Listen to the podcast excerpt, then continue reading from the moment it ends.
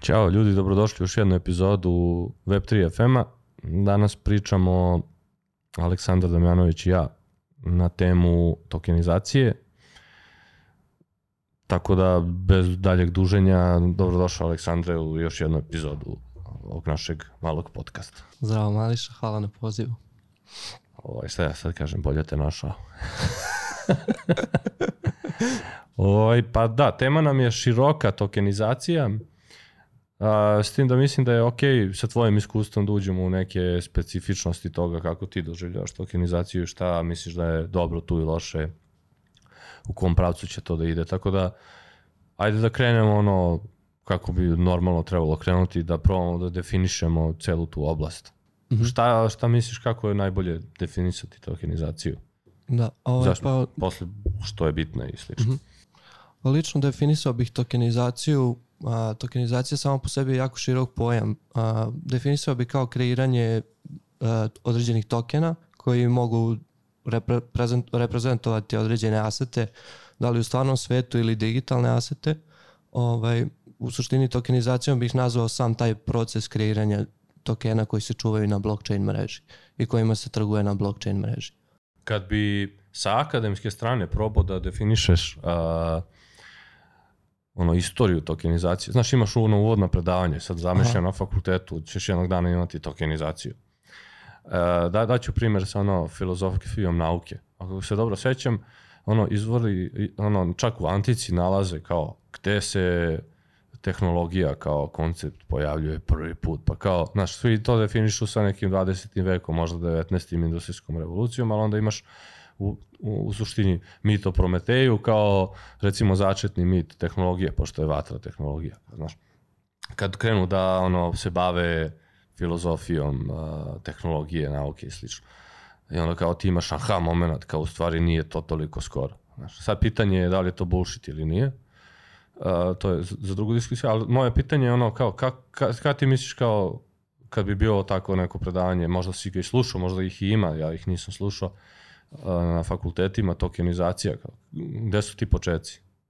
Pa sami početci tokenizacije, ja bih možda krenuo, uh, na primjer, fundraising je neki vid ovaj, potencijalne tokenizacije, to je način za prikupljanje kapitala putem, uh, to jest uh, uh, dobijanje kapitala od strane više investitora, da to nije strogo finansijski aset, to jest hartija od vrednosti ili ti security. Tokeni se javljaju kao nova alternativa ovaj, u tom smislu, gde u sluč, u investitori ne samo da dobijaju pra, pravo da investiraju, već imaju pravo da trguju svojim tokenima i naravno ti tokeni u zavisnosti od uspešnosti projekta mogu biti uspe, takođe uspešniji i, i bolje evaluirani na tržištu. Tako da sam početak tokenizacije nekako fundraising mislim da bi bio dobar uvod za jedno predavanje o tokenizaciji u mhm. suštini mm -hmm. ili bi krenuo sa pričom o zapravo izdavanju akcije i kako to zapravo pomaže biznisima da bootstrapuju i da kickstartuju svoje ove, Koje su to godine u pitanju? Misliš, svoje procese. Jel to vidiš kao najbolji način da neko skapira ili misliš da je to hronološki bilo tako? Mislim da, pa, mislim da je najlakše objasniti kroz ovaj, prizmu fundraisinga. Mislim da je naj... Ajde nam objasni ako imamo, ovaj, ne znam koliko ti treba, aj probaj da mm -hmm. kroz fundraising nam se mm -hmm. provedeš kroz... Mm -hmm. U suštini, ukoliko mi recimo ovaj, hoćemo da ovaj studio napravimo, ovaj, postoje, postoje određeni ljudi koji, bi, koji su možda zainteresovani za ovaj projekat. Nama, ukoliko nemamo dovoljno ličnog kapitala, nama je sasvim ok i sasvim je razumno da uzmemo i da na neki način napravimo neku fundraising kampanju, ovaj, samo u slučaju, naravno, ovaj, u slučaju da je postojao neko određeno interesovanje za tim.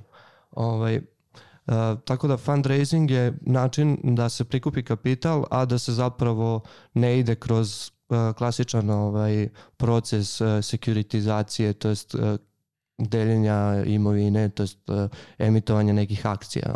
U suštini za ovaj studio ovde nema potrebe da se kreira bilo šta, nego jednostavno možemo da napravimo fundraising kampanju gde kažemo ok, mi organizujemo prvi ovaj Web3 ovaj podcast na, u regionu koji će se baviti samo time i ok, ako ste zainteresovani u utility, u, u korisnost toga, zašto ne bi ovaj investirali u nas, a na kraju ćete dobiti sadržaj taj.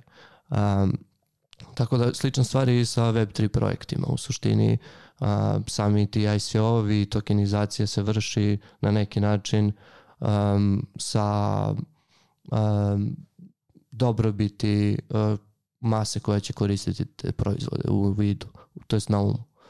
Tako da možda sam skrenuo malo sa Ne, teme. nisi, razmišljam samo a, šta misliš da je kod tog case kod tog slučaja ove crowdfundinga specifično najlakše, najplastičniji, kao najbolji primer tokenizacije za razliku od ne znam nečeg drugog kao što je. Pa u suštini uh, kada je reč o tokenizaciji, ukoliko je reč o nekim ono, klasičnim utility tokenima, u, mogu se uporediti sa fundraisingom zato što sam držač tokena ne mora da ima pravo glasa i ne učestvuje u nekom donošenju odluka najčešće. Ovaj. Tako da to bi možda, zašto sam uzeo fundraising kao... Misliš Kao najprostiji primer. Da. Ovaj, ne, Kad smo kod toga, kako bi onda definisao tokene, rekao si imaš pravo glasa, imaš pravo... mm, Kako bi razlikovao različite vrste onda tokena? Da, ovaj, pa mi u generalno kao mi token ekonomisti i ovaj, kriptoekonomisti najčešće delimo tokene ovaj, na po njih, utility tokeni, znači tokeni koji se koriste za, uh, koji imaju određeni utility, to je korisnost, ukoliko na primjer želimo da pristupimo nekoj usluzi, u kriptoekonomskim sistemima najčešće se te usluge naplaćuju ili ovaj, koriste putem tokena. To jest naplaćuju se putem tokena. Ovaj, utility, governance tokeni, uh, governance tokeni su ništa drugo do tokeni kojima se zapravo glasa, što je isto jedan od ovaj, zanimljivih propertija, to je jedna od zanimljivih osobina Web3 sistema i naravno security tokeni.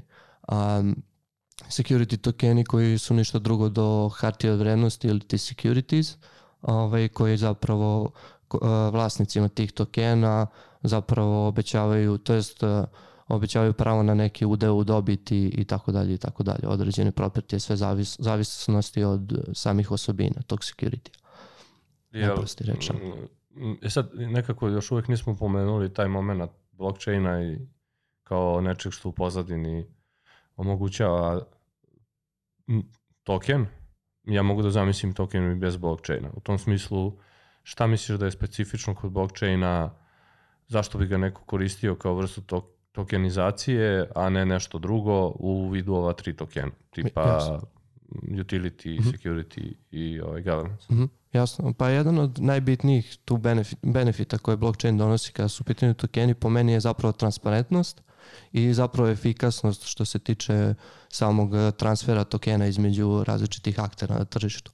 U suštini, um, ukoliko u samom tokenu možemo da imamo čitavu istoriju ovaj, eh, transakcija i transfera ukoliko je na primjer reč o nekom tokenu koji, repre, koji pre, reprezentuje udeo u određenoj nekretnini i tako dalje i tako dalje. Mi onda možemo putem ovaj, blockchaina naravno da vidimo čitavu istoriju tog tokena i da vidimo ok, uh, kako se tradeovao, na koje načine i tako dalje i tako dalje. Mislim da je sama transparentnost i naravno likvidnost koje blockchain pruža jer je dostupan svima, ovaj, uh, da su to zaista bitni faktori to jest uh, koji će koji utiču na na samu korisnost blockchaina kao pozadine za tokenizaciju. To je moje mišljenje, ne znam šta ti misliš. A, pa, sad si me sasjekao, ću da te pitam, Aha. pošto možda u tom pitanju se vidi ideja, možda gađam, Mhm. šta je možda interesantno. A, rekao si transparentnost, decentralizaciju, aj stavimo sa Mhm. strane.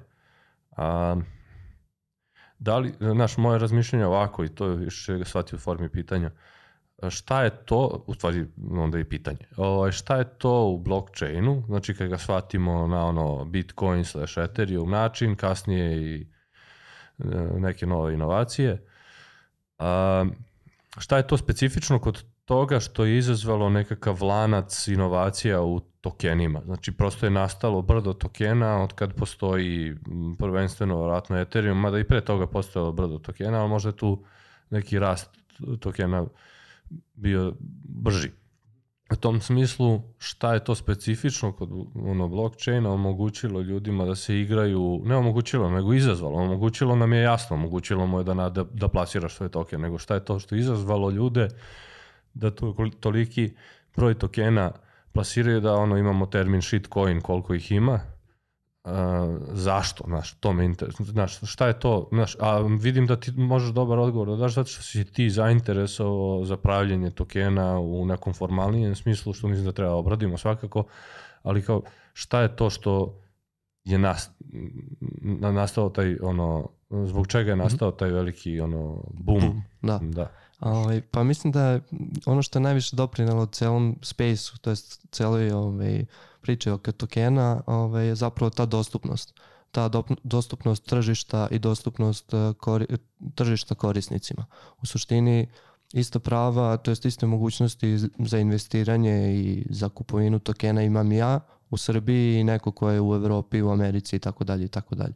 Naravno ne, ovo je jako, nisam bio precizan, naravno kada su u pitanju security tokeni postoje određena druga pravila, ali mislim da ono što je najviše dovelo do tog buma je zapravo ta dostupnost, a ta dostupnost sama po sebi mobiliš, mobiliše dosta ovaj, mobiliše tržište, tržište postaje ono i brže i efikasnije i samim tim uh, dosta je dobro tle za špekulaciju i za špe, ovaj, mislim da je špekulacija i dostupnost da su bili taj neki inicijalni ono Kickstarter, ovaj, Kickstart celog ovog ovaj misliš samo to taj momenat da je prodrlo u mase aj tako da kažem. Mm. da je to što suštinski ništa tu novo nije aj sad da vidim evo sad te izazivam da mi kažeš da nije tako pokušavam da više racionalizujem.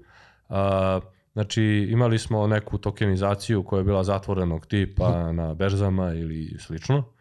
I onda je nastala ta tokenizacija na tim otvorenim tehnologijama u vidu blockchaina. I pre toga, ali ajde, blockchain je omogućio taj moment transparentnosti i sleže decentralizacije, pa je to dodalo moment da se to teže gasi, ajde tako da kažem. I onda je samim tim to se otvorilo prema većem broju ljudi kojima ranije tehnologije nisu bile dostupne. I to je ono što je omogućilo onda da veliki broj ljudi pokuša da zamisli drugačiji vid tokena i slično tome. Je li to? Pa da, uh, i ne, ne postoji potreba za posrednikom u celom tom procesu. Mislim da to dosta olakšava, ovaj, ali u isto vreme i otežava zato što je potrebno opet neka, ovaj, neko dublje istraživanje i ovaj, sam korisnik tih ovaj, valuta i tokena ovaj, mora da poznaje malo bolje finansijsko tržište i tako dalje, te neke stvari, ali generalno mislim da su to neke stvari koje su zapravo dosta doprinale ovaj, celom tom procesu tokenizacije i tom boomu i naravno način na koji se oni uh, mogu kreirati. Ovaj, sama lakoća kreiranja tokena koji može biti kao što si rekao shitcoin ovaj, je, je mislim dosta doprinela ovaj boomu tokena. Mislim da danas, mislim da CoinGecko, skoro sam slušao neki podcast da ima ne znam koliko miliona tokena kao, koje kao razmatraju da ubace u svoj listing, tako da. A razmatraju par miliona da ubace. A to pa, još nije ušlo, jel? Pa da, ne mogu, zato što oni rade posebno vetting ovaj, svakog projekta i ono, imaju dosta toga koliko, ono, koliko moraju da Ima jedna dobra priča, mislim da sam je iz Benkora čuo pre par godina. A, oni su to objašnjavali šta oni rade kao projekat, pa mi se svidelo nevezano za njihov projekat.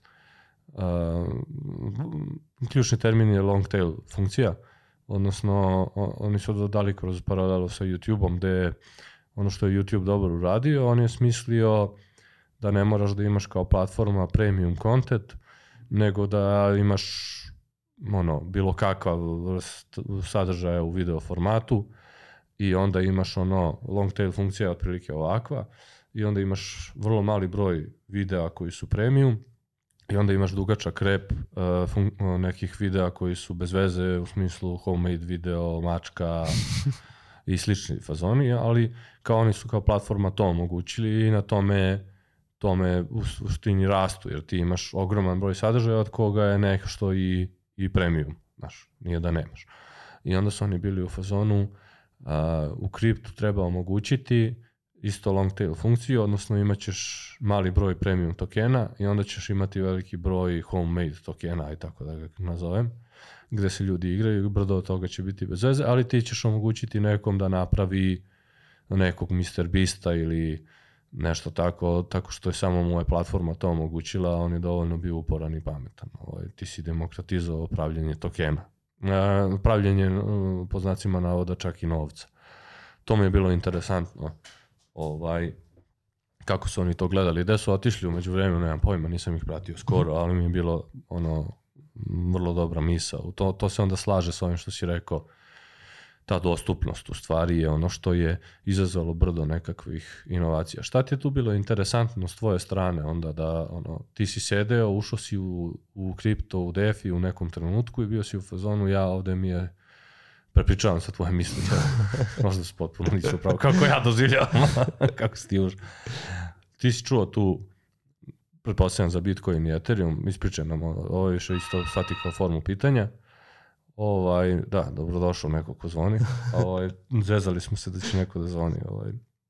U svakom slučaju, um, da, uh, poenta je, dakle, ušao si i odabrao si od svega da se ne baviš nekim yieldovima, nekim strategijama i slično, nego baš tokenomijom. Zašto?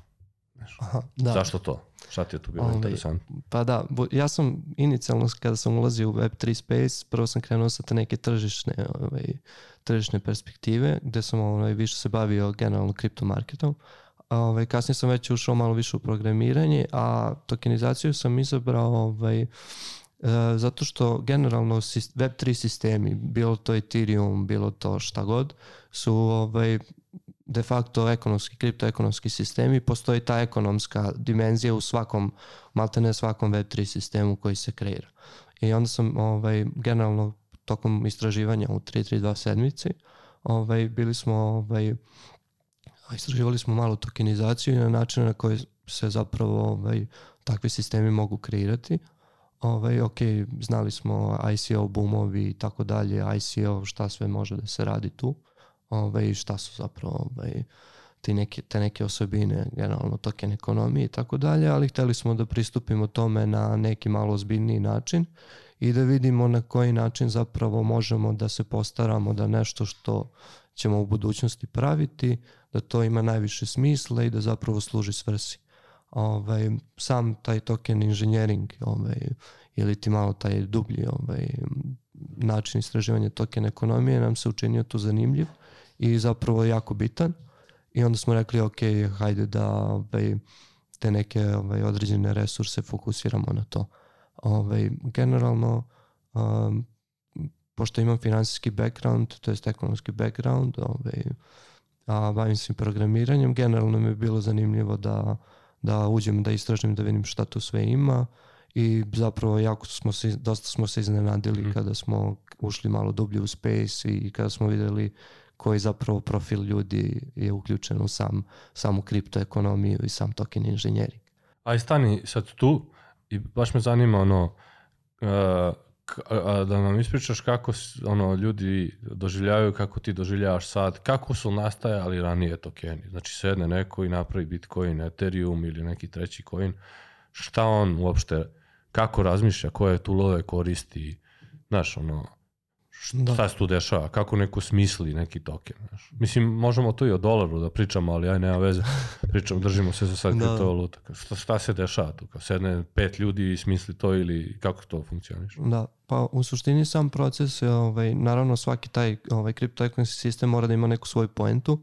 Ovaj, ranije su dosta tih ovaj, rešenja, Web3 rešenja, dosta su ovaj, bili, nisu bili toliko rigorozni u samom procesu Ovaj, naravno sada smo ubacili neke, no, ovaj, postoje, određeni, postoje određeni standardi, ali u suštini ako pogledamo ICO boomove, a, dosta tih ovaj, projekata su kreirani sa nekim a, jako pozitivnim pretpostavkama, a, jako bullish pretpostavkama od strane samih kreatora, gde zapravo određene a, polise, to je određeni parametri sistema nisu bili optimizovani za neke situacije kao što su bear market i tako dalje i tako dalje ili apsolutno nezainteresovanost. Nego se igralo više na tu a, Pon, špe, ponzi. Pa ponzi, špekulacije i tako dalje i tako dalje.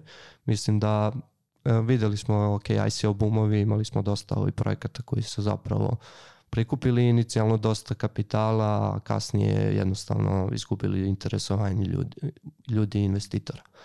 Ovaj, tako da, generalno mislim da su u početku dosta veliki fokus, naravno, ovaj, sama token ekonomija, kreiramo, token, kreiramo ekonomiju u malom, kada je reč o Web3 projektima, dosta veliki fokus bio ok na distribuciji, emisiji tokena i tako dalje. Ovaj, dok ovaj, se zapravo, bar moje mišljenje je da nisu dovoljno radili na adaptaciji samih sistema na okolnosti na tržištu i tako dalje i tako dalje. U kom uh, smislu uh, oni su pretpostavljam računali da će raditi neki market making magično i onda će držati sami cenu tog tokena na, ja? što moje pitanje je kao šta je trebalo umesto toga da razmišljaju, koji su to mehanizmi, znaš ono?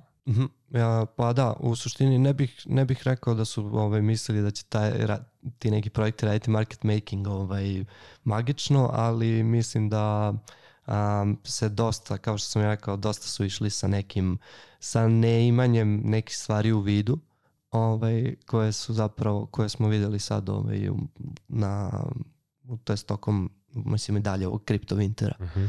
ovaj, mislim da najveće greške su zapravo bile tu zato što sam proces uh, po sebi nije bio standardizovan i nisu postojali određena pravila kada je reč o samom, samom dizajniranju ovakvih sistema i išlo se dosta sa tim određenim pretpostavkama. Sada ovaj, podsjeti me, molim te, malo sam skrenuo ovaj... Mo, moje pitanje je suštinski bilo šta su ranije radili to kao kad su dizajnirali token, šta su imali u vidu i koje tulove su koristili, a onda sam ono fazon sa ugled, po ugledu na danas gde sad si zagrebao u tu celu priču oko tokenomije, to, token dizajna gde postoje određeni tulovi i ono da uporedimo suštinski te dve stvari, kao ranije smo imali ono ekipu koja sedne i gleda u lonac i u fazonu je Kako Mislim, ajde, trivializujem, da ali više pitanja to.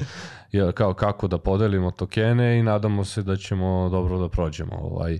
I onda kao imaš taj doživljaj, imaš doživljaj da nije kao nadamo se da, da ćemo dobro da prođemo zato što u stvari nisu bili dali par informacija koje su bitne da se da. shvate, a to je da su ono imali već neki trežari koji su dali nekom market makeru da vrti da, da. bi pumpao cenu i održavao određenom i ti u stvari ni ne znaš šta se dešava u pozadini zato što je ono game is rigged, da. tako da kažem. I imao si par ono tih premium tokena, da nazovemo tako, kao što je Ethereum ili Bitcoin ili još par, koji su kao imao si poverenje da se njima ne manipuliše previše, makar ne u nekom potpuno centralizovanom smislu. I sad, ako kažemo da je sad drugačija priča, imamo par alatki, moje pitanje drugačijih i imamo sad čitav plejadu eksperata koja može da izdizajnira token. Šta se sve time rešava? Pretpostavljam da se rešava, ovo gledamo u, u lonac i nadamo se dobrom, ali da li samo to ili još nešto? Znaš? Da, pa ovaj, u suštini, kao što sam i rekao, ranije se to radilo na dosta ono, slobodniji način, putem Excela i sličnih alata koji su za modelovanje dobri, ali za modelovanje sistema kao što su uh, Ethereum i kompleksni sistema, generalno i ostali Web3, ovaj, kao što su chainovi i generalno sama ekonomija ovaj, uh, chainova, dosta taj način je real, realno nije ovaj, optimalan. Uh, sa ovim novim ovaj, sa novim metodama i sa već generalno ovaj, sam, sama oblast token inženjeringa je postala standardizovana. Uh, mi dobijamo mogućnost da krenemo od samog business case-a projekta do, ovaj, do na kraju ovaj, samih Monte Carlo simulacija i simulacija određenih ovaj, situacija na tržištu. A, sami alati koji se danas koriste, pre se koristilo, ok, imali smo, dosta se gledao taj business case i tako dalje i tako dalje, imali smo određene, određena scenarija na ovaj, koja su se modelirala da li u Excelu, da li na neke druge načine. Sada krećemo od samog business case-a i koristimo određene toolove ovaj, koji služe za samo mapiranje samih učesnika na, u samom sistemu i naravno kasnije u nekom procesu validacije i samog dizajniranja koristimo alate koji su zapravo namenjeni baš za to. A, postoji alat koji se zove CAD-CAD koji je kreiran od strane Block Science ekipe koja koji je alat zapravo za de facto modeliranje kompleksnih adaptiv, adaptivnih dinamičkih sistema.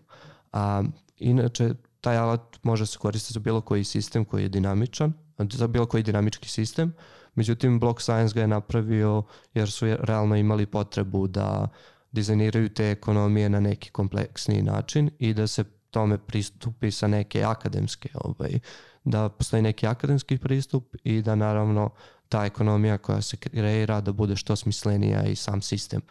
Um, tako da imamo te neke alate kao što su CAD-CAD machinations um, i određene ovaj, određene pristupe. Naravno, matematika sama po sebi je tu presudna. Ovaj, kao i ranije, ali putem tih alata možemo da ubrzamo proces i da dođemo do nekih zaključaka koji su bitni. Da budeš siguran u neke stvari, da, da. da si ih makar do nekle simulirao, da možeš da znaš u kom pravcu će se kretati šta. Pored cene tokena, ali postoji još nešto ili... Da, pa postoje same polise na koje, ovaj, koje utiču na samo korišćenje protokola. Uh, to jest proizvoda, Web3 proizvoda, šta god. Hm. Uh, cena samo po sebi nije prisudan faktor. Uh, Uh, mislim, naravno da je bitna i naravno to se uzima u obzir, ali generalno trudimo se da kada dizajniramo neki sistem, da taj token zapravo bude um, da postoji smisao tog tokena. Jer dosta sistema koji možemo, koje možemo da dizajniramo zapravo ovaj, u nekim slučajevima token je apsolutno bespotreban ili ne, mm -hmm. nepotrebna komplikacija. Kada uzimamo u obzir naravno samu cenu tokena i ovaj, tržišne ovaj, uslove, kada se dizajnira, jer akoli, ukoliko imaš platformu u kojem se a, u kojoj se tokenom plaća određeno, ovaj, određena vrsta usluge ili šta god, mm -hmm. a, jednostavno to moramo da uzmemo u obzir, ali takođe uzimamo u obzir i sama a, moguća ponašanja agenata u sistemu i vektu, mogućnosti napada na sistem. Ovaj. Znači postoji, ajde da se vrati par stvari ovde, validacija tokena. Nekad je on nepotreban ili, ili čak suprotno ono loš po sistem. Pretpostavljam da je to prvi korak. Kako validiraš Ka, pretpostavljam da je to onda token design. Da. da li ti je potreban token i šta je njegova svrha u sistemu? Jel tu postoje određene alatke koje pomažu ili pričamo samo o know-how koji neke osobe imaju? Mm -hmm. Pa postoje određene alatke, naravno, ovaj, određeni kanvasi koji se koriste. Uh, Um, dosta je presudan faktor i taj know-how samog token inženjera i samom iskustvu u oblasti, ovaj, ali postoje određene, određene, ovaj, određeni alati koji se mogu koristiti da bi zapravo došli do odgovora da li je token potreban ili ne. Naravno, ovaj, prvo se kreće sad od, od te neke biznis evalu, evaluacije, um, naravno biznis i tehničke evaluacije, ali na kraju krajeva um, putem tih alata koji su, kao što sam rekao, ok, uh, motiv, uh, actor motivation matrix, uh, agent map, mapping matrix i tako dalje i naš ovaj token modeling canvas. Putem tih alata, naravno postoji alat tokenomics framework od strane DAO-a, tokenomics DAO-a, ovaj, koristeći te alate možemo da vidimo, ok, našem sistemu je potreban token, bit će, ovaj, imat ćemo korist od tog tokena i moći ćemo naravno da putem tog tokena održavamo neku, to jest da očuvamo sustainability, održivost tog sistema. Uh, tako da uh, know-how je generalno jako bitan jer uh, potrebno je znati koja pitanja postaviti ovaj, samom klijentu i kao što vidite ono, imamo dosta web, 2, web 2 ovaj, uh, biznisa koji ulaze u web 3, da li kroz loyalty programe i tako dalje i tako dalje. Jednostavno je potrebno kroz te discovery radionice i kroz... Koje ti je iskustvo ili mišljenje, ne može čak ni da bude bazirano toliko na iskustvu do kraja. Uh, te, ono, baš to, koliko je to veštačka želja određenih uh, firmi i organizacija da uvedu token, pa im on nije potreban, koliko je prirodna neka potreba rasta weba u nekom pravcu da, da će toga biti sve više i da će biti normalno da imaš. Mm -hmm. Znaš, zanima me tvoje razmišljenje, će to da ide u pravcu nekog veštačkog rasta ili nekog uh, prirodnog rasta tokena ili uopšte neće ići u pravcu rasta. Mm -hmm. Pa mislim da uh, dosta je, kao što svi znate, ono Web3 je buzzword trenutno.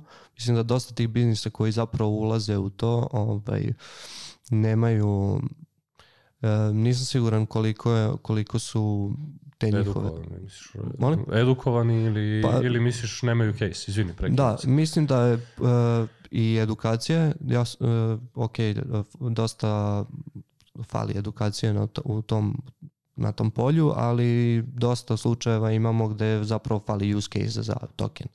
Ovaj, u slučaju Reddita videli smo sa njihovim ovim Reddit Collectiblesima, oni su imali ovaj, dosta, možemo reći, dobar način, dobar vid tokenizacije, a da nisu zapravo imali svoj token, već jednostavno su imali NFT-eve koji su ono, predstavljaju nekog avatara i tako dalje i tako dalje. Da, da, jasno. Ovaj, znači misliš da nema tu za sad nekih kejseva koji su zreli još uvek? Mislim da ima. Mislim da ima kejseva kao što su ovaj, collectibles, kao što su ovaj, neke ovaj, kolekcionarski neki itemi. Mislim da tu je dosta do, dobar prostor za tokenizaciju.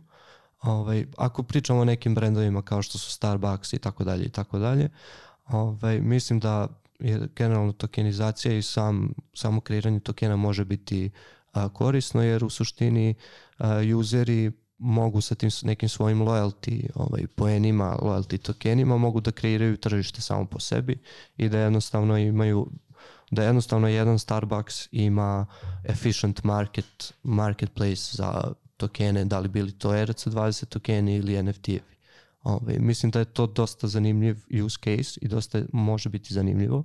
Ovaj, ali mislim da, pošto kao što znate, ovaj, dosta tih brendova tek sad ulazi polako u priču, mislim da će se to tek videti koliko zapravo mi možemo da kreiramo efficient markets. Da, ja nisam siguran, a, sad kad razmišljaš na tu temu, a, ono, postoji stara priča oko digitali, o, digitalizacije, pa si imao eksperte za digitalizaciju a, koji su ti digitalizovali firmu. I sad postoje su dobri eksperti i loši eksperti. Loši eksperti su koristili ono fasad pattern, Prvenstveno zbog klijenata koji nisu hteli da menjaju biznis model, zato što su klijenti mislili da je digitalizacija firme u stvari ja napravim website i ono, par tako digitalnih stvari i samim tim sam digitalizovao firmu. Dobri eksperti su ti objašnjavali da ti moraš suštinski da promeniš biznis model u digitalnoj eri.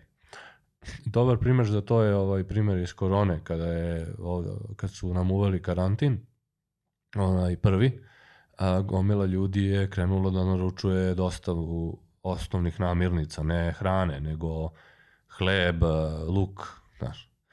I ideja je radila dostavu. Ideja je imala, znači, model da ti naručiš hranu i oni ti dostave tog velikim kamionom za par dana, tako nešto. I onda je krenula velika navala i njihov sajt je krešao konstantno zato što nije mogao pod jedan da izdrži taj load, a pod dva i da je mogao da izdrži, nije mogao da izdrži unutra organizacijono da izvrše taj tip dostava u tako kratkom roku. Jer imali su prvo logistički samo kamione, što je značilo da trebaju da idu u neka skladišta, da, da organizuju rute i njima je sve to falilo gledano organizacijono, znaš, iako su imali sam, sam website koji je primao naručbine. Za razliku od toga, Glovo i Volt su prosperirali zato što su oni bili digitalno optimizovani. Oni su imali logistički gledano, ne samo sa aplikativne strane, niz ono, gig ekonomi kurira, koji su odlazili na određeno mesto i dostavljali ti odmah u roku od pola sata hranu. Na, ono što je ideja na kraju radila je morala je da potpiše kapitulaciju i da se prebaci na glovo ili tako nešto. Ali to je razlika između prave digitalizacije i ono fasadne digitalizacije. Znači ti moraš promeniš potpuno biznis model. E sad se vratim na tokenomiju.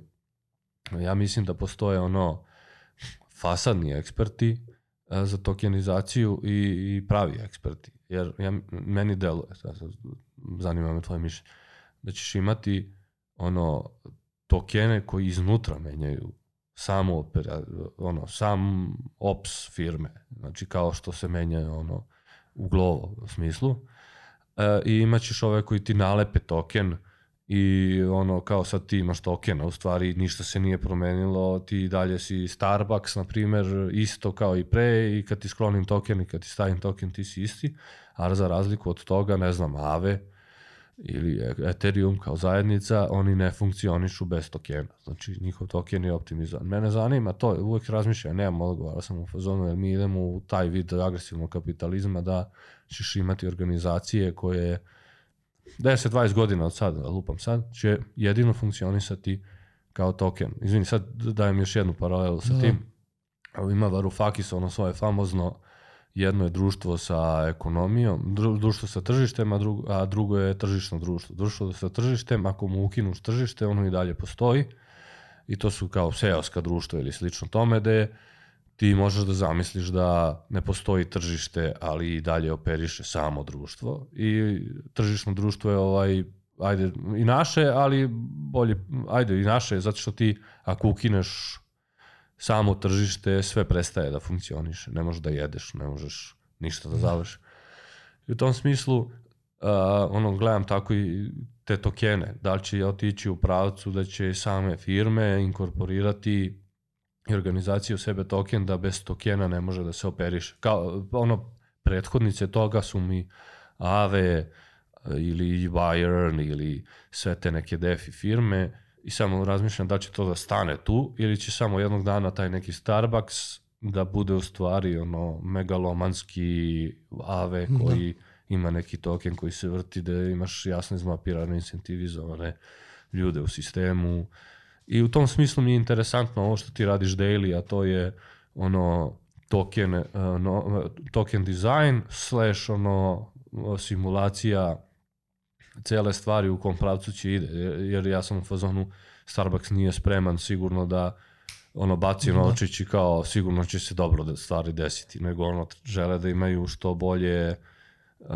ovaj izmapirano, odnosno izvalidiran samo model tokena. Znaš, ovaj, ne znam da li, ono, to me zanimalo da osetim, jer misliš da da će biti tih kejseva sve više, što je ovo što sam sad rekao, ili prosto postojeće kejsevi, ali stvari će nastaviti da operišu na nivou kome trenutno operišu, a token može da bu, bude korist.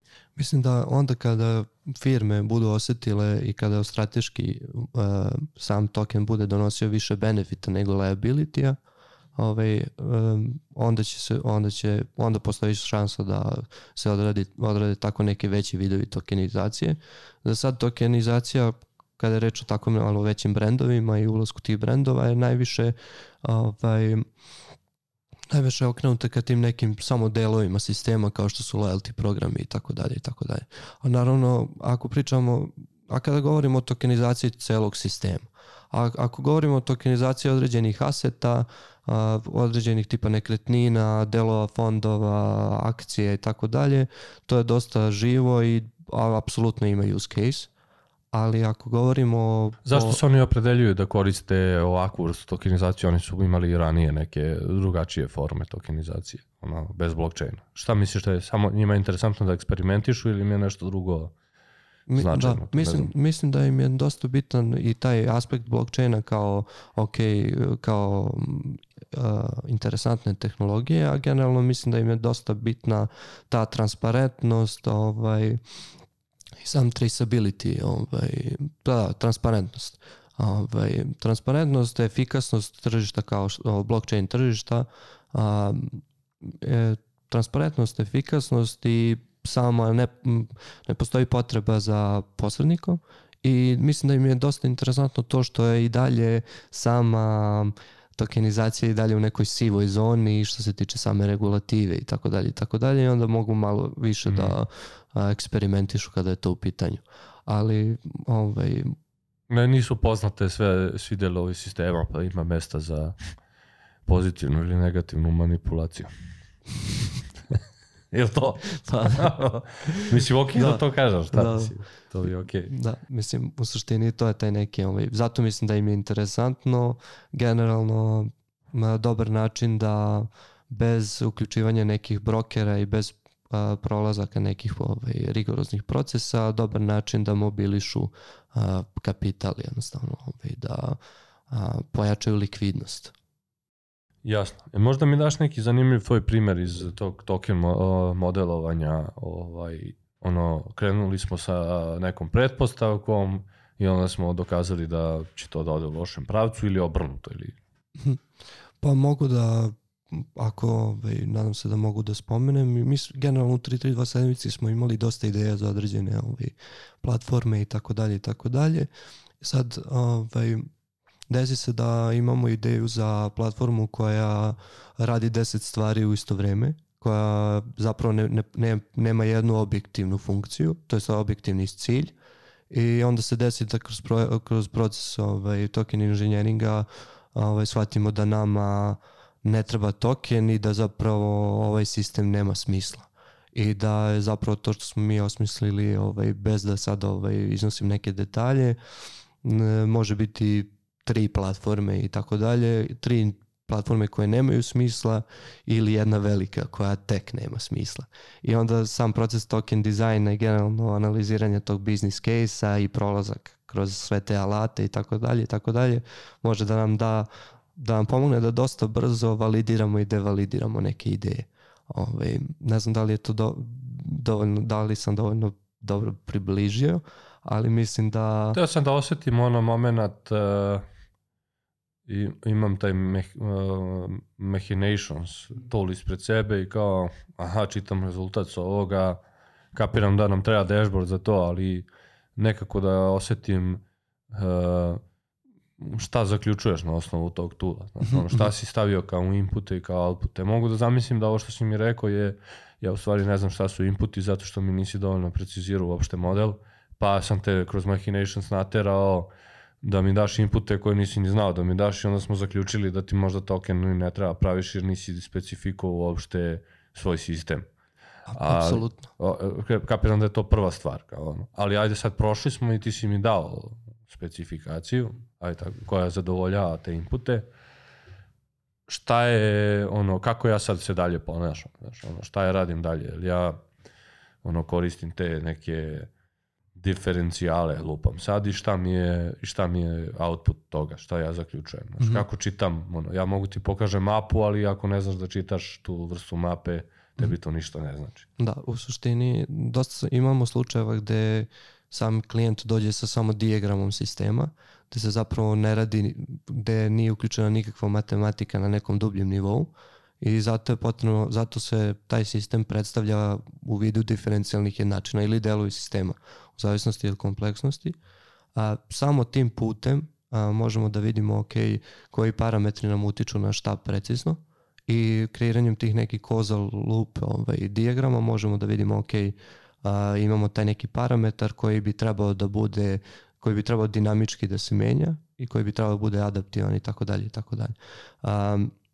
Samo tom specijali, to jest e, preciziranje može nam ovaj, dosta pomoći da zapravo utvrdimo koliki će, na primjer, biti uh, transaction fee u nekom proizvodu. Uh, transaction fee od lupam 0,01% u nekim slučajevima može da bude dobar, a u nekim slučajevima može da bude apsolutno ovaj, be, besmislen ili da bude dinamički i tako dalje i tako dalje.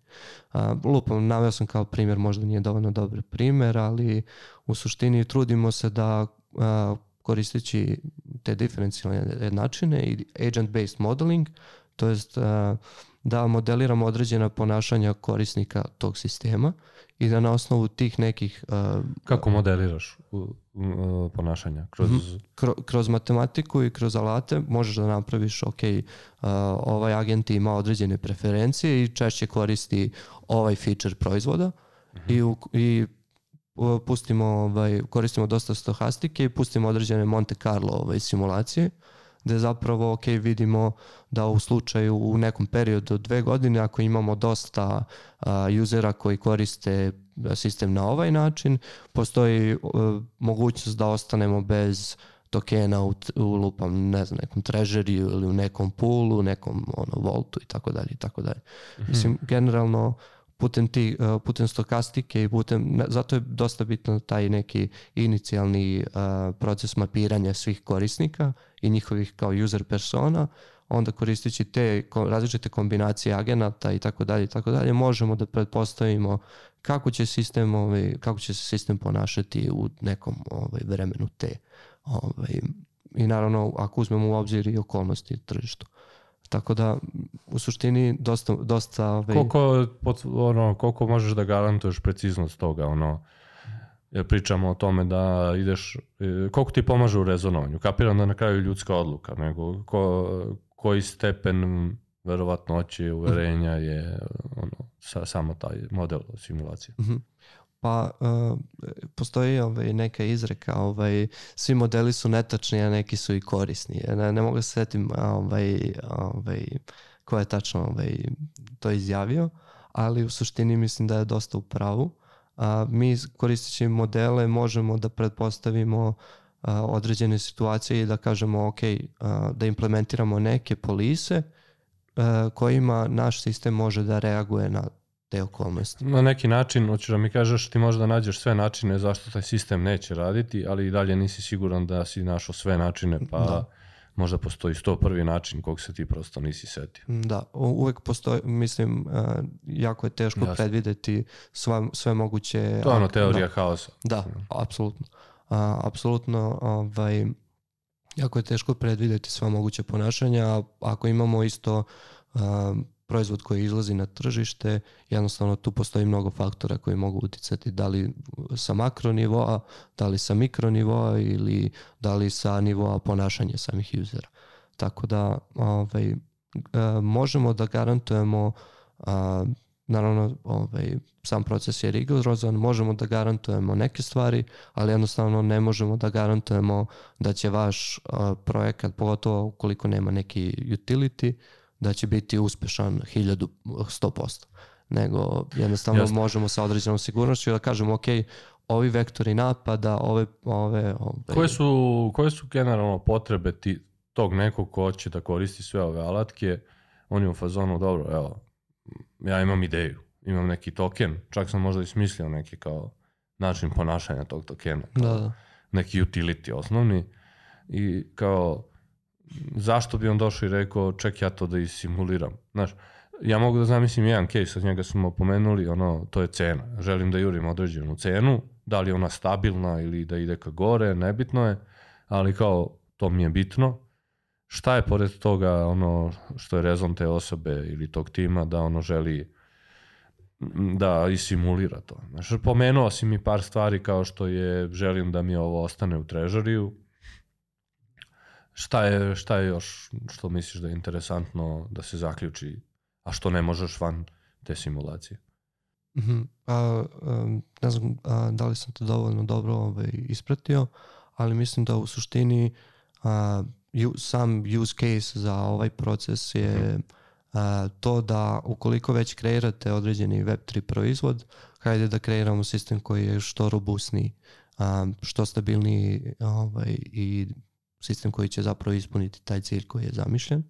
A, ovaj, a to ne vidim način da se to uradi, a da se ne pristupi sa ovako nekim, sa ovakvim ovaj, pristupom. Suštinski, nekome kome je bitna robustnost tokena, on će to hteti da koristi, nekome kome nije bitna, jer ono, um, daleko je od toga da, da mu treba robustan token, jer trenutno ni nema token, on neće. Znaš, da uporedim sa klasičnim startupima, ono, ti sad želiš da pod znacima navoda prodaš startupu kao neki deo tog startupa ili kao neki outsider, odnosno na startup, nebitno. Uh, jako je bitno da obraćate pažnju na security od prvog dana, a ono, tri tipa sede u gajbi, ono, ne znam, za dva meseca da li imaju kintu i ti im objašnjaš da im treba, ono, ovaj, test driven development plus ne znam šta, oni su u fazonu beži, bre, ono, Da, da. ne zanima me to, znaš. Da, da, daj da šipujemo. I Pa daj da šipujemo jer ono, da, ako krenemo ovo, izbacit ćemo za tri meseca celu stvar i mi smo za tri meseca u stvari naše druge poslove, pošto nemamo pare, treba nam da izvalidiramo što pre. Te, token je malo okrutnije, kad ga izbaciš, pretpostavljam da ono, si se samim tim ograničio jer ga je ili neko kupio ili, znaš, možda imaš najviše sreće ako niko ne reaguje, pošto možda si i dalje vlasnik, Da. pa možda možeš da ga promeniš, ali samim tim onda nisi validirao tokena, Da. ideju tokena, tako da nemaš zainteresovanu stranu. U tom smislu, ono, jel ti deluje onda da će da ide u pravcu centralizacije deploymenta tokena da samo, kao ono, a, samo ljudi koji imaju x para mogu da otvore banku, jel tako, logično je, ne mogu ja sednem i otvorim banku jer mi fali taj inicijalni kapital, tako je ono, samo ljudi koji imaju x para mogu da naprave token koji je robustan. Da. pa mislim da po- potrebna je određeno, određena investicija, naravno, ovaj, kada je reč o kreiranju takvih tokena. A zašto je bitno da se to radi? Zato što, kao što smo videli prethodnih godina, imali smo tokene koji su dizajnirani loše, koji su zapravo, a, to jest, posledice kreiranja lošeg dizajna tokena mogu biti dosta veće nego što se inicijalno čini. Kao što smo videli sa ovaj, Luna Terra kolapsom, ovaj, gde zapravo su imali taj stable, stable token koji je bio algoritamski ovaj, Za dizajn. taj mi je recimo jako jasno zašto bi koristio ovo, zato što je njegov ceo sales pitch bio moj token je stabilan i evo mehanizam kako. I da je neko uzeo oditovo to kroz ove alatke, on bi možda mogao pokaže da to nije tačno. Da, Je tako? da, tako je. Ovaj, naravno, ovaj, nisam, nisam upoznat sa načinom na koji su oni ovaj, a, sa samim procesom dizajniranja njihovog tokena, ali mislim da a, u slučaju da su te neke stvari uzete u obzir, možda bi postojao način da se implementira neki safety net za sam ovaj, sistem, za sam ovaj, Luna Terra sistem. Ono što mi pada na pamet je da imaš ono open source e, modele, modele i kao ovaj model preporučujemo ako si startup koji radi to i to. Da. Znaš, pa kao iskoristi onda ovaj token, znaš. Da, a to je specifično na u samom ovaj, token inženjeringu. Dosta tih modela zapravo nisu, a, nisu open source. Jednostavno ljudi trude se da zadrže to neko ovaj, znanje i da, za- da, ok, imamo taj nek community koji deli te resurse i to, ali dosta tih procesa samog dizajniranja, dosta dokumentacije i svega toga je zapravo se drži closed. Koliko je velika ta cela, ne, ne bi nazvao industrija, ali ta grana, koliko tu ima ljudi koji su, i koji su kadrovi to, u koji se bave token modelovanjem i slično. znaš. A, pa dosta je a, space kao token ekonomije i to dosta je niš, a, čak i za Web3, za token engineering, token engineering pogotovo, ovaj, ali mislim da token engineering kao oblast, kao niša, ovaj, privlači dosta kvalitetan kadar, pre svega ovaj, e, ekonomiste, matematičare i tako dalje i tako dalje. A, za sad community, koliko sam ja shvatio, ovaj, koliko moja neka percepcija da ima par hiljada ljudi koji se aktivno da li uče token engineering i tako dalje i tako dalje. Ovaj, tako da dosta je mali a, dosta je to mala grupa ljudi i nekad, pošto smo imali ovaj, razgovore sa nekim ovaj, partnerima ovaj, u oblasti, a, nekad imam osjećaj da se svi poznaju međusobno, ovaj, jer jednostavno space je tako, da, tačno. ovaj, a, space je jako mali, dosta m, još uvek se eksperimentiše dosta u samoj oblasti. A, neki bi rekli kao pre-competitive je ovaj, a, sama oblast, kao sama disciplina, ako možemo to tako nazvati. Tako da mislim da do, kao što sam rekao, dosta je mali space, ali mislim da privlači dosta kvalitetan kadar, jer mi imamo ljude koji su ono, od fizičara do eksperata za game theory i tako dalje, i tako dalje, ekonomista. Jer jednostavno token engineering kao oblast zahteva multi, sama oblast je multidisciplinarna. E, Kad je krenulo u tom pravcu tog modelovanja da se ubacuje ta prilično ozbiljna priča, a da je imalo neki zamah koji je relevantan, pričamo o, o pet godina, kraće, duže. Mhm, mhm. Mislim da 2019. je zapravo um, trend iz uh, Ocean protokola je zapravo izmislio kao pojam token engineeringa, jer je bio u fazonu, on se bavio generalno dizajniranjem tih sistema, da li, nisam siguran tačno u kojoj oblasti, zaboravio sam, ali je bio, ovaj, krenuo je sa stavom da, ok, a, ako imamo tokene koje neki, u koje određeni ljudi ulažu svoj novac, zašto ne bi koristili te vrste alata na kriptoekonomski sistem.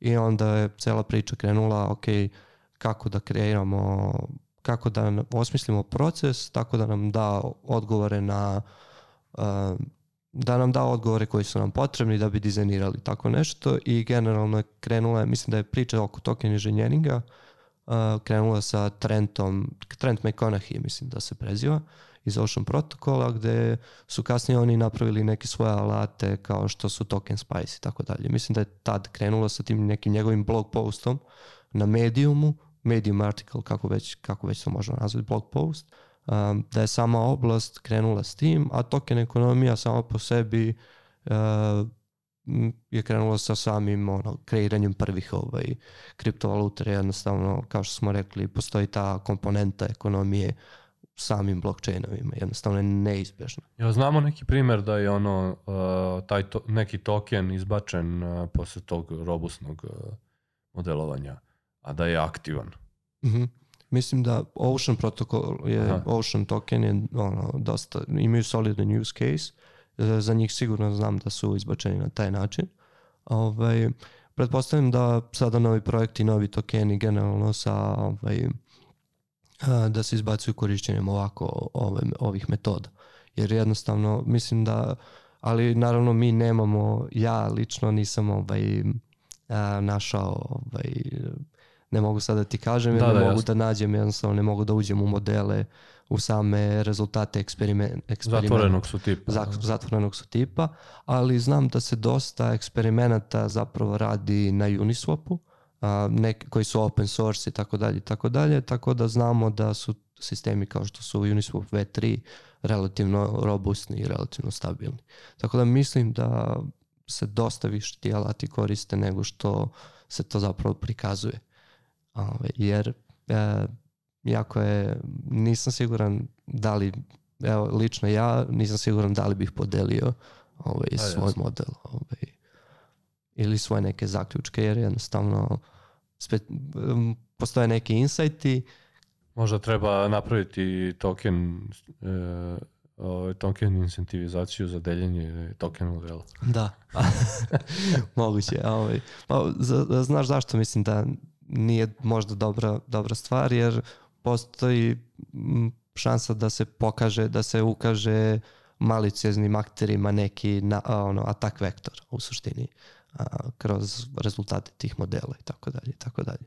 Da, da, jasno. Ovaj... Ne treba podcenjivati ovaj, moć velikog broja ljudi, jer ono, Jasno. Uh, jer beše Ethereum fondacija ima nešto na ovu temu kao department? Da, Ethereum fondacija možda ima i najbolji department. Ethereum i Filecoin po meni imaju najbolji department za kriptoekonomiju, generalno info modeling. Ethereum fondacija ima Robust Incentive Group koji vodi, ja mislim, Barnabe Mono, a, koja se zapravo bavi a, svaki ape koji ima uticaj na token ekonomiju, na ekonomiju samog Ethereuma, uh, mora da prođe određeni vetting uh, Robust Incentive grupe koja se zapravo bavi, to je u suštini research department koji se zapravo bavi modeliranjem i donošenjem ovaj, modeliranjem i prenošenjem tih nekih insajta o ape-ovima ovaj, u suštini, o, to je o ape-ovima za publiku, o Ethereum Improvement Proposalima, e, tako da možemo vidjeti da postoje određeni departmani koji se bave time dosta. Filecoin ima isto, to je Protocol Labs, ima svoj uh, Crypto Econ Lab koji se bavi otvorenim problemima, ne samo problemima Filecoina, tako da m, polako, ali sigurno a, dosta departmana za kriptoekonomiju se otvara jer ovaj, mislim cilj sam, samih kriptoekonomista je da se i generalno nas koji kreiramo te proizvode da zapravo useri ne ispaštaju zbog loših ovaj, dizajn odluka i generalno. Jasno, cool. Uh, ne, nemam, jesi imao možda nešto da nisam svestan uopšte taj, tog dela industrije da napomeneš, pošto nisam ga svestan, ono, jer ima tu nešto još zanimljivo da se dešava u, ono, kad sedneš i čitaš dnevne novine, token modelovanja, šta tu se dešava još zanimljivo? E, ima dosta, ovaj, skoro je, e, skoro se je izašao neki blog post gde zapravo postoji neka ekipa koja pokušava da napravi alat koji a, može da olakša sam proces token modelovanja, ovaj, koji kao automatizuje te neki proces da može i like da ga koristi. Da koristi chat GTPT. da. ovaj, ako ne znam, ovaj, da, to sam, koristio sam chat GPT skoro, baš sam teo da ga primjerim na nekom našem ovaj, hakatonu i zapravo daje dosta dobar odgovor. Um, daje do, odgovor o dizajnu, to jest um, daje predlog dizajna ekonomije kao solidan token inženjer 2020. To je token ekonomista 2020.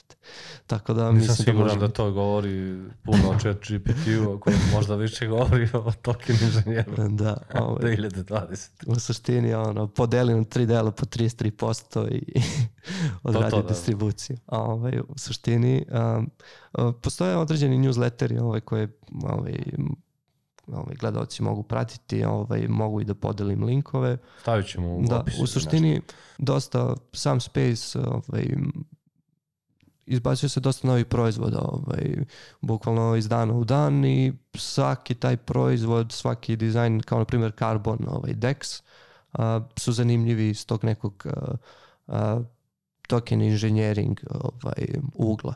Tako da mislim da a, uvek ima nekih novih aktivnosti što se toga tiče. Ovaj, mislim da će u Denveru biti sad uh, Crypto Econ Day um, na Course Fieldu gde će biti, mislim, čitav event posvećen samo kriptoekonomiji, modeliranju i um, od, ovaj, ostalim stvarima, tako da uh, sam space po sebi je dosta živnuo, imam utisak, ovaj, tako da mislim da ima, ovaj, ima dosta pomaka što se toga tiče. Ovaj, ne znam da li sam ti odgovorio na pitanje. Jesi, budućnost je svetla, ovaj, da tako kažem. Jel misliš da će ova oblast da raste generalno ili će još neko vreme se drži na ovom nivou? Šta misliš da je sledeće, sledeći milestone koji je potreban da bi se otključao ono rast celog ono, broja tokena, ne znam, nija, ozbiljnosti tih tokena i slično? Mislim da smo još uvijek u nekom procesu eksperimentacije. E, mislim da a, regulacija će dosta da utiče na samu oblast. A, naravno čekamo da vidimo kako će se stvari odvijeti na tom polju, ali generalno vidim svetlu budućnost za sam, sami token engineering, jer jednostavno projekti koji su manje uspešni, koji su nisu uspeli, mislim da mogu naći rešenje u ovako nekom pristupu a, samom dizajnu tokena, da će generalno ako se koriste ovi principi ovaj, kojima smo pričali, ovaj, naravno linkovaću sve ovaj, resurse koje imam, ovaj, korist, mogu usporiti sam, samo lansiranje tokena, ali mogu se a, mogu omogućiti da ti tokeni, da ti projekti žive, ako ne a, ovaj, da, ako, da budu robustni, ako ne da budu robustni, onda da žive duže nego što bi inače ovaj, um, se Jasno. održava. Kako bi život. celu ovu stvar preslikao na NFT-eve, ali vidiš njih kao deo ovog sistema o kome pričamo ili su oni za tebe u zagradama? Ovaj? Pa vidim, vidim NFT kao dobar property sistema sa zavisnosti od same ovaj, funkcionalnosti NFT može da predstavlja kao što znate svi sad pričamo o NFT-evima već godinu i dve, dve godine dana može da ovaj, bude način da se određena vrednost zadrži u sistemu. E sad, uh, moramo da nađemo određeni utility za te NFT-eve da bi izbegli ponzi momena gde se ovaj, novac čuva radi čuvanja i tako dalje i tako dalje, radi pumpanja, ali uh, mislim, ovo sam spomenuo iz perspektive sistem dizajna u Web3, ali iz perspektive tokenizacije uh, NFT-vi su, ja mislim, idealno, idealna podloga, to jest idealno polje za um, tokenizaciju generalno, jer možemo da po, podelimo uh, da koristimo NFT-eve kao reprezentaciju određenog aseta, da li u stvarnom svetu, da li u digitalnom svetu, gde je NFT de facto uh, sam aset. Tako da mislim da NFT-evi su here to stay ovaj, što se toga tiče. Čak mislim da je tek na nama je da pronađemo nove use case-ove za njih. Koliko misliš da su ovi security tokeni tu da ostanu na blockchainu? Koliko misliš da će samo prosto da nestanu ili ne znam, šta mhm. misliš generalno o tom aspektu? Mislim da zavisi od regulacije. Lično nisam ovaj, ekspert što se toga tiče, ali da će regulacije generalno, kao što zna, zna, znaš i samo, ovaj, da će dosta uticati na to. E sad, mislim da su here to stay. Zašto? Uh, sad ne znam da li u obliku kakvom su sad, ali da, mislim da su here to stay baš zbog te uh, lakoće mobilisanja kapitala i lakoće tradovanja, to jest trgovine uh, tom vrstom ovaj, tokena. Uh, to jest ne lakoće trgovine tom vrstom tokena, nego lakoće trgovine uh, tom vrstom uh, tokena koji reprezentuju zapravo neki aset u fizičkom svetu, gde na primer ja kao sitan investitor ne bih mogao da priđem uh, tržištu nekretnina ne znam, u Srbiji i tako dalje i tako dalje. Na ovaj način, na, kroz tokenizaciju dozvoljava se zapravo to omogućava se pristup i nekim sitnim investitorima da zapravo imaju tu neki ovaj udeo i tako dalje i tako dalje. Imam jednu stvar za kraj da prodiskutujemo. Uh, Ivan Vilajac konstantno uh, ima jednu misu koja je dobra, nema u stvari konstantno misu koja je dobra, nego ima uh, misu koja je dobra koju konstantno ponavlja. A to je da probat ću da prepričam, a da ne osakatim. Uh, ono što tokenizacija, odnosno blockchain uh, nudi što do sada nije bilo moguće, jeste da open source projekat mislim da je 99% slučajeva open source projekata koji ranije nije imao način monetizacije toga što se bavi nekim javnim dobrom, da nazovemo tako, odjednom kroz token imaju mogućnost da, da ima nekakav biznis model. Klasičan primjer je Ethereum koji je odlučio da napravi nešto i nisu sad otišli kod investitora ili u državu i objašnjavali im ono dajte nam pare, hoće baš da bude dobar web, nego su napravili to, token i onda je svako gledao svoj interes. Naravno da su oni morali ove druge stvari da rade, ali imali su makar model koji je vrlo jasan, ono, token go up, e, ono, sve je dobro. Znaš, -hmm. ono, ako investiram sad rano, ovaj token će prosto da mu raste cena O, i to je primjer Ethereum, primjer je, ne znam, Polygon, ima brdo takvih primjera, gde je određeni projekat, srž same firme u, u, u, u source kodu, aj tako da kažem, nema jasan neki fee-based business model ili ne znam kakav business model, nego to, ono, kao token je omogućio da inovira. Uh, I to kao do sada prosto nije bilo tako, nekakav Nginx ili Apache uh, za ovo ili za ono nisu imali taj, tu mogućnost tokenizacije dela ili celog projekta i da bi mogli da prosto održavaju ono, sebe kompetitivnim, nego su mnogo zavisili od grantova i sličnih stvari. U tom smislu meni deluje da je to ono osnovni utility token suštini to je jedan od razloga zašto sam ušao u Space, e, je zapravo mogućnost da open source projekti prikupe funding i da zapravo budu sustainable i da samim tim finansiraju svoje ovaj, developere, to je ljudi koji rade na, na, zapravo na tak, takvom obliku projekata.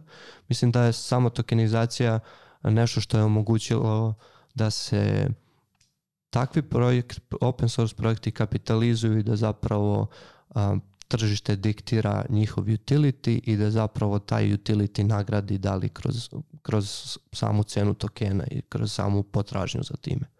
Mislim da uh, je to dosta dobar use case kao što si sam rekao i mislim da je to nešto, ako ne, nešto što je jako, uh, jedna od glavnih inovacija, ako ne i po meni najbitnija inovacija koju je tokenizacija donela. Jesi to video negde, jesi to video sam van Ivanove razgovora, pošto nisam ranije van Ivana ja ovaj, čuo za takvu misao, a očigledno postoji jer to ljudi rade, samo je možda nisu izrekli na nivou ono, mm, tako da. eksplicitno, nisam siguran. Mislim da je trend takođe iz Ocean protokola u svom blog postu koji se zove Web3 Sustainability Loop je zapravo izneo jako slično mišljenje. To je tako, sad, mislim sad ću da, zezam Ivana da je ovaj, a, to pročita tamo.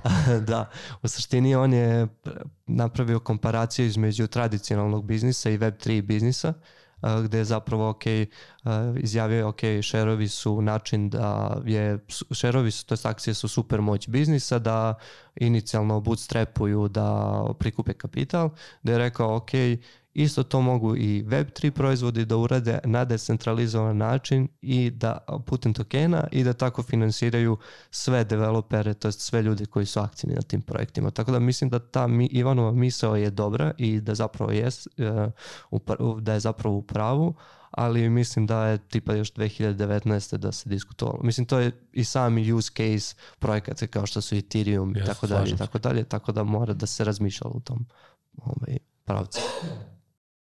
Uh, mislim da je to to. Uh, mislim da je ovo zaslužilo još jednu epizodu, postavimo još par pitanja, mhm. kao što je treasury management i projekcija toga. Pošto pomenuli smo sad taj jedan projekat možda digne lovu, ali ne znam da održava to kako mu token modelovanje pomaže da održava mhm. treasury management, slične, slične stvari tome. Hvala ti ovaj, na razgovoru. Izvinjavam se na, na ovom kašljenju konstantnom. Ali baš smo teli da snimemo podcast. Da, da. ovaj, dobro, hvala i vama ljudi. Nadam se da je epizoda bila dobra. Slušamo se uskoro. Hvala tebi.